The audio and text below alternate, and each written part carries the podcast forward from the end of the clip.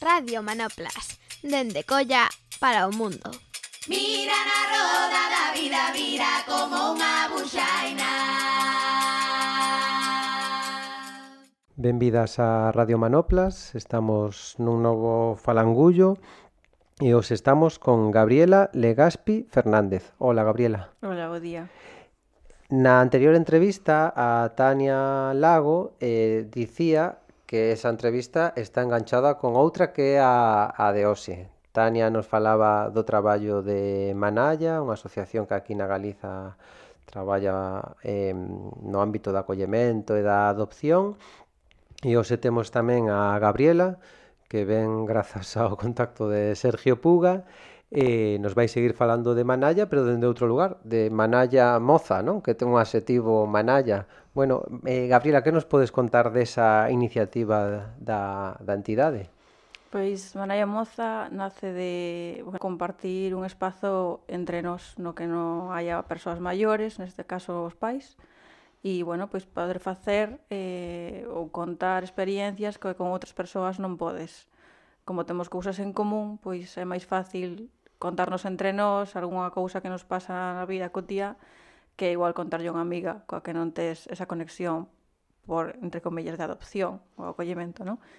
E, pero bueno, e despois eh, sí que é certo que facemos actividades porque eu como responsable de Manaya Moza considero que eh, falar da adopción xa dende un principio non é a idea, sino sentirse a gusto no espazo, poder compartir es, mm, actividades que nos para coñecernos mellor, ¿no? entre, entre todas. E entón, bueno, pois pues facemos a, talleres de poesía, ou tivemos unha de sobre racismo, e agora vamos ter unha de un obradoiro de, de, de encuadernación, e vamos facendo cousiñas así. Entón, pois o grupo vai medrando pouco a pouco, pero, pero vai eh, polo que estades presente nas redes, cando menos en Instagram, non? Sí. E algunhas das actividades as facedes en Pontevedra, non? Me parece, sí. na Casa Azul. Sí, a maioría na Casa Azul, sí. Eh, onte falaba eh, Tania de que Manaya nace do, como un grupo de familias pero eh, no debir, no, no transcurso da entidade pensan que é necesario o que estabas a comentar a comentar ti, non? Sacar o foco das familias e tamén mirar para, para a rapazada. Ao final, hai un salto xeracional, non? Hai unha xeración de familias, de pais nais e outra de fillos con, in, con intereses e con necesidades distintas, non? De aí é onde surde un pouco a necesidade de comezar con, con Manalla, entendo. Sí, bueno, eu comecei como anaya eh, eh, porque, bueno, eh, a, a través da miña psicóloga eh, levoume a varias charlas que tiña, bueno, formacións que tiñan coas familias de Manalla e a, a partir de aí, pois, Antón contactou comigo, este, entrei na directiva e logo ofreceume traballar con el e, e logo, bueno, pois, levar o, o grupo de Manalla Moza, no? que como persoa adoptada, pois, eh, quen se non iba a levar un grupo de personas, de adolescentes. Falaba eh, Tania, eh, no traballo de Manalla se fala tamén de, da dificultade de atopar referencias, non? Ou, ou persoas que, que amosen outras alternativas, outros futuros a, a persoas que foron tuteladas ou adoptadas. Como vives tú ou como ves que se vive en Manalla Moza ese asunto da, das dificultades para atopar unhas referencias non? No que atopar algunha similitude coas vosas vidas ou coas vosas biografías. Pois eu creo que está complicado, porque tamén é certo que, bueno, as idades e os momentos de cada persoa é diferente.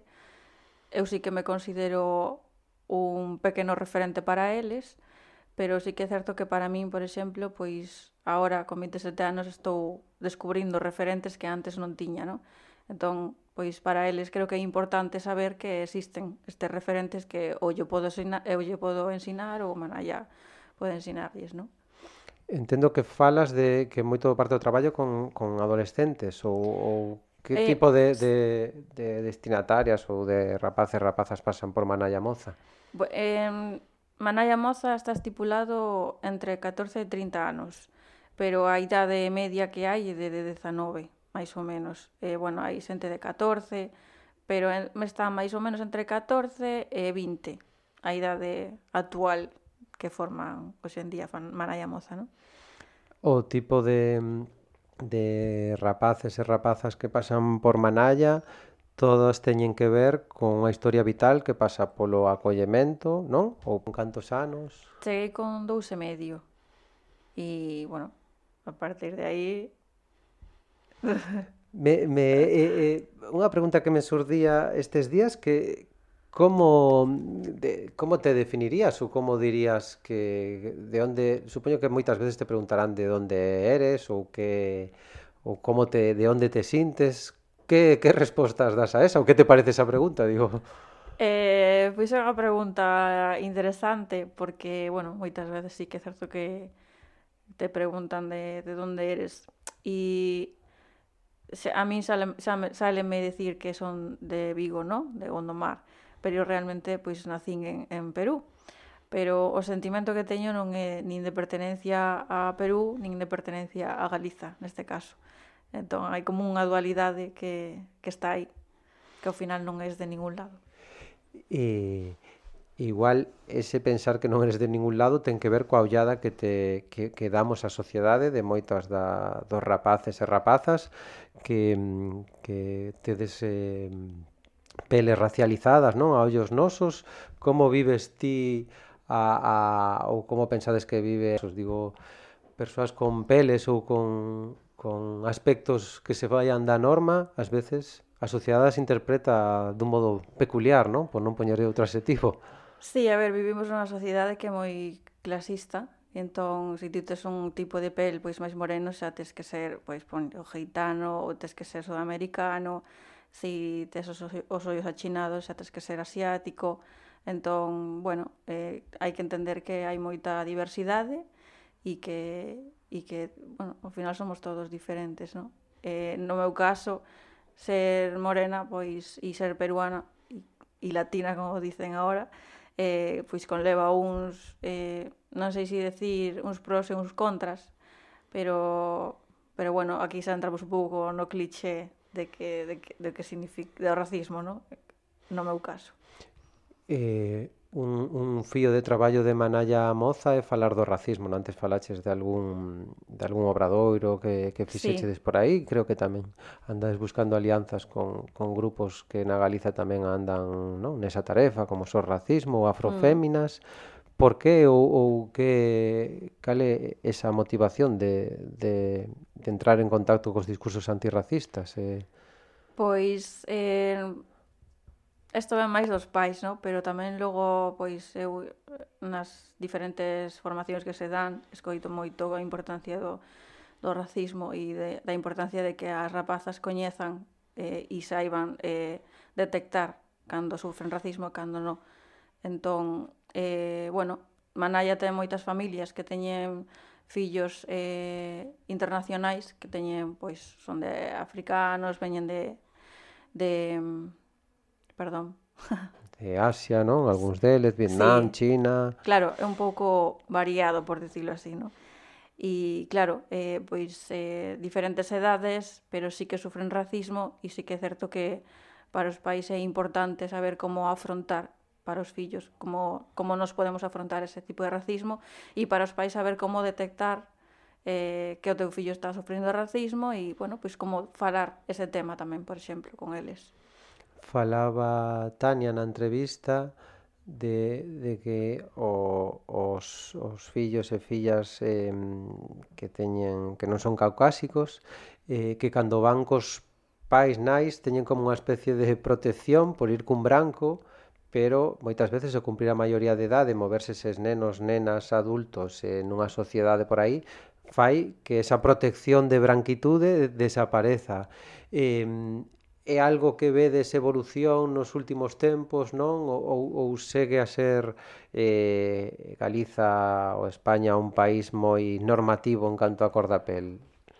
Eu penso que se fala moito de integración e moito de igualdade, pero que ao final está, e as redes sociais están facendo moito dano e que isto de, de que se, como se chama, libre expresión, o final está sendo, bueno, pois en algúns casos positivo, pero en outros casos como é o racismo, eh, non hai un filtro, non hai alguén que diga, oye, para, eh, isto que estás facendo non está ben, porque ao final, bueno, pois decimos o que pensamos, eh, o que creemos e facemos moito dano. Eu creo que neste momento hai bastante racismo e que debería de, de tratarse.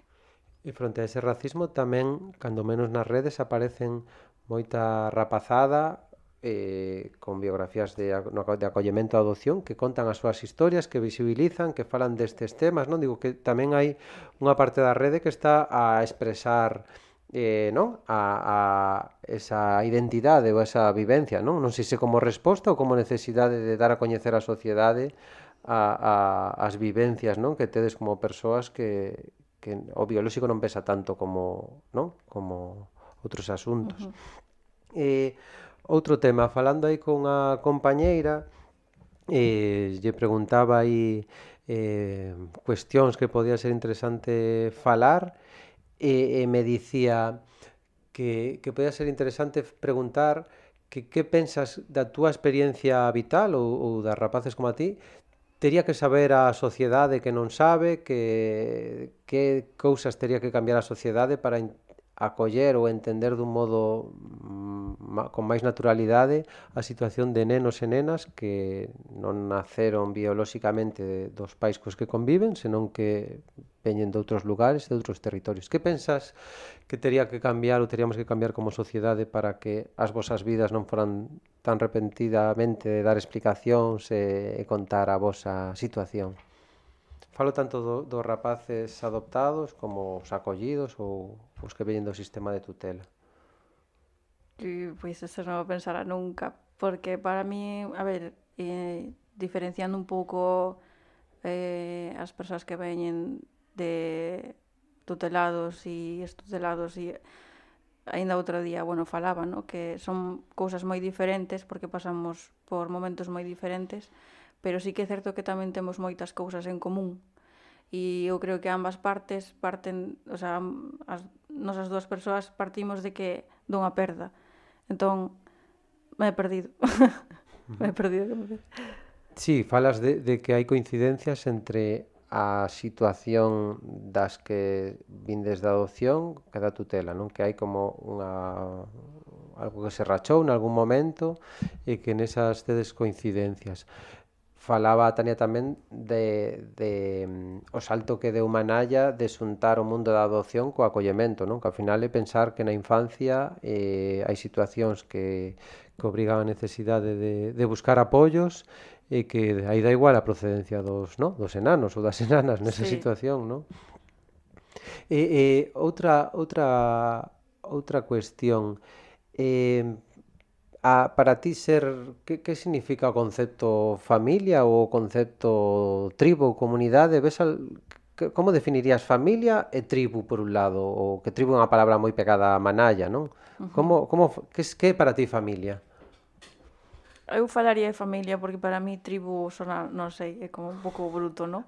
Pero para a mi familia as persoas que están o día a día ao teu lado e que son que te poden cuidar, que te coñecen e bueno, un pouco co que falaba Tania, no? O, do, do dos veciños que pode que tamén poden cuidar. Por que non? Por, para mi familia é eso, no? Ao final é un, un núcleo co que podes estar seguro. Me podo sentir segura contigo, me podo seguir, ou non sentir segura con os meus pais, por exemplo. Que non é o caso, no? Pero é eso, no? Mais ben a seguridade E hai unhas semanas, creo que estiveches por Barcelona, non? Nun congreso de adopción e acollemento. Sí. Que, que podes contar desa experiencia, do, do que ali biches eh, o que compartiches coa xente que andaba por ali? Pois foi unha experiencia para min bastante que non a esquecerei nunca, porque, bueno, é certo que Manaya me está abrindo moitas portas, pero nese, bueno, nese congreso coñecín a, sobre todo a, a rapazas que estaban no sistema e, e é moi interesante saber o punto de vista delas, no? porque creo que é certo que bueno, pois está os congresos se fala moito de fala moito os, os psicólogos, os expertos, e non hai esa voz de personas eh, adoptadas ou acollidas que debería de haber Entón, esa, pois nese caso esa última eh, mesa foi moi interesante porque falaron todas rapazas e, e sobre os seus as súas experiencias e coñecelas despois personalmente e falar con elas e compartir a mí me enriqueceu máis que estar no congreso. e, e desas historias ou, ou do que compartiron esas, esas mozas que foron as cousas que máis te chamaron a atención ou Pois para mí a capacidade que teñen de, de seguir adiante e de despois de, de traballarse, despois do, das, das súas vivencias, sexan sean fortes ou non, de, de, de estar aquí no día e ser capaces de falar con naturalidade comigo, por exemplo, e explicarme o porqué e, e como foi o seu, o seu transcurso. Para min foi o máis, máis tal.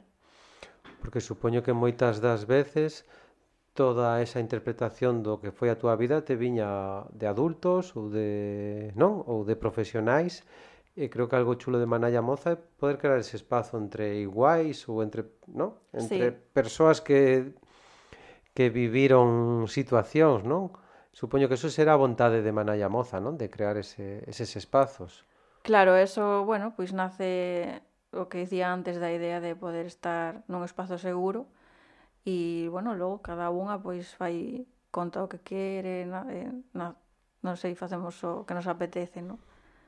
Eh, eh, antes falabas do tipo de obradoiros que moitos teñen que ver co arte, non? De escritura sí. ou de poesía, por que tirar por, polo, por esa parte máis artística para asuntarvos? Pois eu creo que a, a, os talleres artísticos como que no, te conectan e a vez non te conectan tanto co, coa esencia da adopción neste caso, no? Entón é unha forma pois de estar tranquilos, de decir, bueno, pois neste caso non é poesía, vamos a aprender un pouco de que trata a poesía, eh, como se fai poesía e logo pois eh, plasmar no papel pois sentimentos se nos apetece e e, e eso, máis ben. Eh, eh, Gabriela, En, en no, no futuro, como pensas que dentro de 10 ou 15 anos vai, van, vai a estar a situación de mozos e mozas que pasaron por cousas como viviches para ti? Como imaginas ese, ese futuro dentro de 10 ou 15 anos sobre as posibilidades que teñan nenos e nenas que pasan por situacións parecidas ás que ti viviches? Bueno, eu creo que vai haber máis referentes e, e que Espero que non sexa un tema tan tabú como está sendo. E, e bueno, pois ahora mismo non teño moita perspectiva, no? pero espero que polo menos eh, o traballo que están facendo as familias e que estamos facendo todas as persoas adoptadas e acollidas pois sirvo para algo e para visibilizar que estamos aquí e que somos persoas normais como todos. O, o problema para min ás veces eh, cando, cando propoño estas entrevistas é, é pensar no esforzo que, que neste caso xente como a min te pide a ti ou a outras persoas por contar as vosas vidas, por facer pedagogía, por explicar cousas que o resto non entendemos. Moitas veces pensar nesa tarefa me parece moi canso para, para persoas como a ti ou para, para outras. Como vives ti eso, esa situación de andar contando, facendo reflexión sobre a túa vida, sobre a túa situación, sobre a de outras rapazas e rapazas. Como, como levas ti iso? Eh, bueno, eh, fai anos eh, non falaba desto, eh, tamén era un tema que non tiña in interiorizado, entón para mí non era algo eh, importante, non? sí que é certo que a través de, bueno, pois da miña psicóloga e por certas vivencias que tiven foi moi importante saber o que me pasaba e buscarlle un porqué. Facía cousas que para outros non tiñan sentido e, e a partir de aí pois xa puiden porlle palabras ao que me pasaba e, e entón pois falar desto agora non é tan difícil e non se me fai tan costa arriba, ou polo menos falo un pouco con coñecemento, non? De Eso. Se escoitan ruidos porque hai meniños por aí eh, que se xuntan e que, e que son alborotadores. E esta, esto que estás a contar de, de ese proceso que pasaches, vivilo así, é dicir, pasar por micros como a este ou participar en Manalla Moza que te obriga a expoñerte, Crees que todo ese esforzo mm, paga a pena, que mellor plante solo así? Eh, ou prefire, preferirías ou pensas que sería mellor para, para persoas como a vos vivilo de na vosa... Bueno, sen tanta exposición pública, non sei como contalo. Bueno, Se Se te pagou a pena, basicamente, a, a pregunta. Sí, sí, eh, eu creo que para min é eh, enriquecedor, ¿no? Poder, bueno, primeiro poder falar do, da miña experiencia e logo, bueno, pois que xente se interese tamén por escoitarnos, porque así tamén hai visibilidade no, no, no tema. Mm, estamos achegándonos ao, ao, ao final. E sempre que sempre isto remata máis menos dun, dun modo. Que, que música te, te ven á cabeza para pensar nunha despedida desta, desta entrevista ou, ou, ou que por onde nos levarías aí musicalmente? Pois pola canción de SES de Non son fada nin princesa. Eh, eh, por qué? Por que escollemos a, a SES? Bueno, se, eh, dende que a coñecín sempre foi unha muller que admirei, a súa valentía, a súa posta en escena, eh, eh, o seu pensamento. Logo tiven o placer de coñecela personalmente, eh, estiven grabando tamén un documental para clase da súa xira, no? E esa canción especial gustame porque, bueno, fala do poder que ten que temos nas mulleres, no? De, neste caso non son fada nin princesa, podo ser o que queira ser, non teño por que ser unha muller e ser unha princesiña e andar de rosa, fago o que me dá a gana. Bueno, pois eh, moitísimas grazas eh, Gabriela pola xenerosidade de vir aquí un día como que temos, que un día de moita chuvia, moito vento, eh, sobre todo por por a xenerosidade de contar parte da túa historia e tamén por, por poñela ao servizo de outros nenos e nenas que, que pasaron ou que están a pasar situacións nas que hai semellanzas coa túa biografía, non? Así que nada, moitísimas gracias. Gracias a ti por convidarme. Nada, ata logo. Chao. Chao.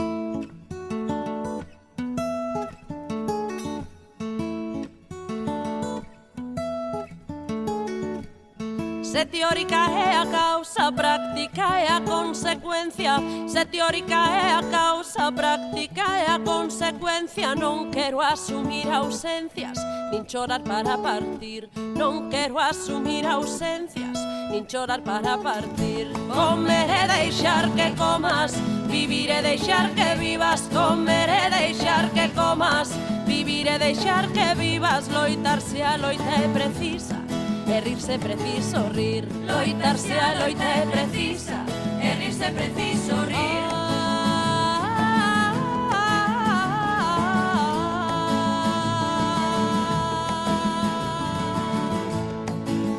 Non son fada nem princesa nem mirar.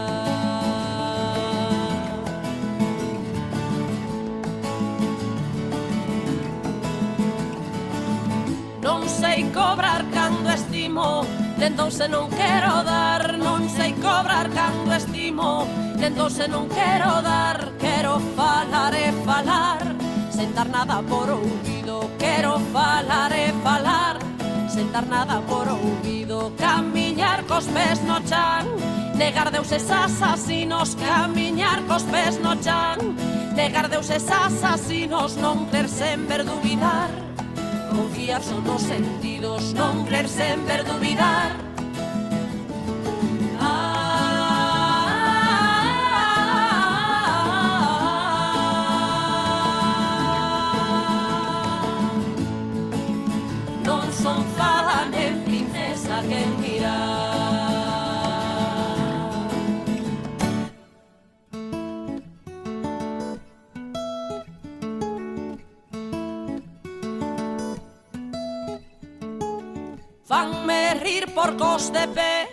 Contemplo olvido en memoria, fanme rir por cos de pé Contemplo olvido en memoria, so forxa patria sa historia.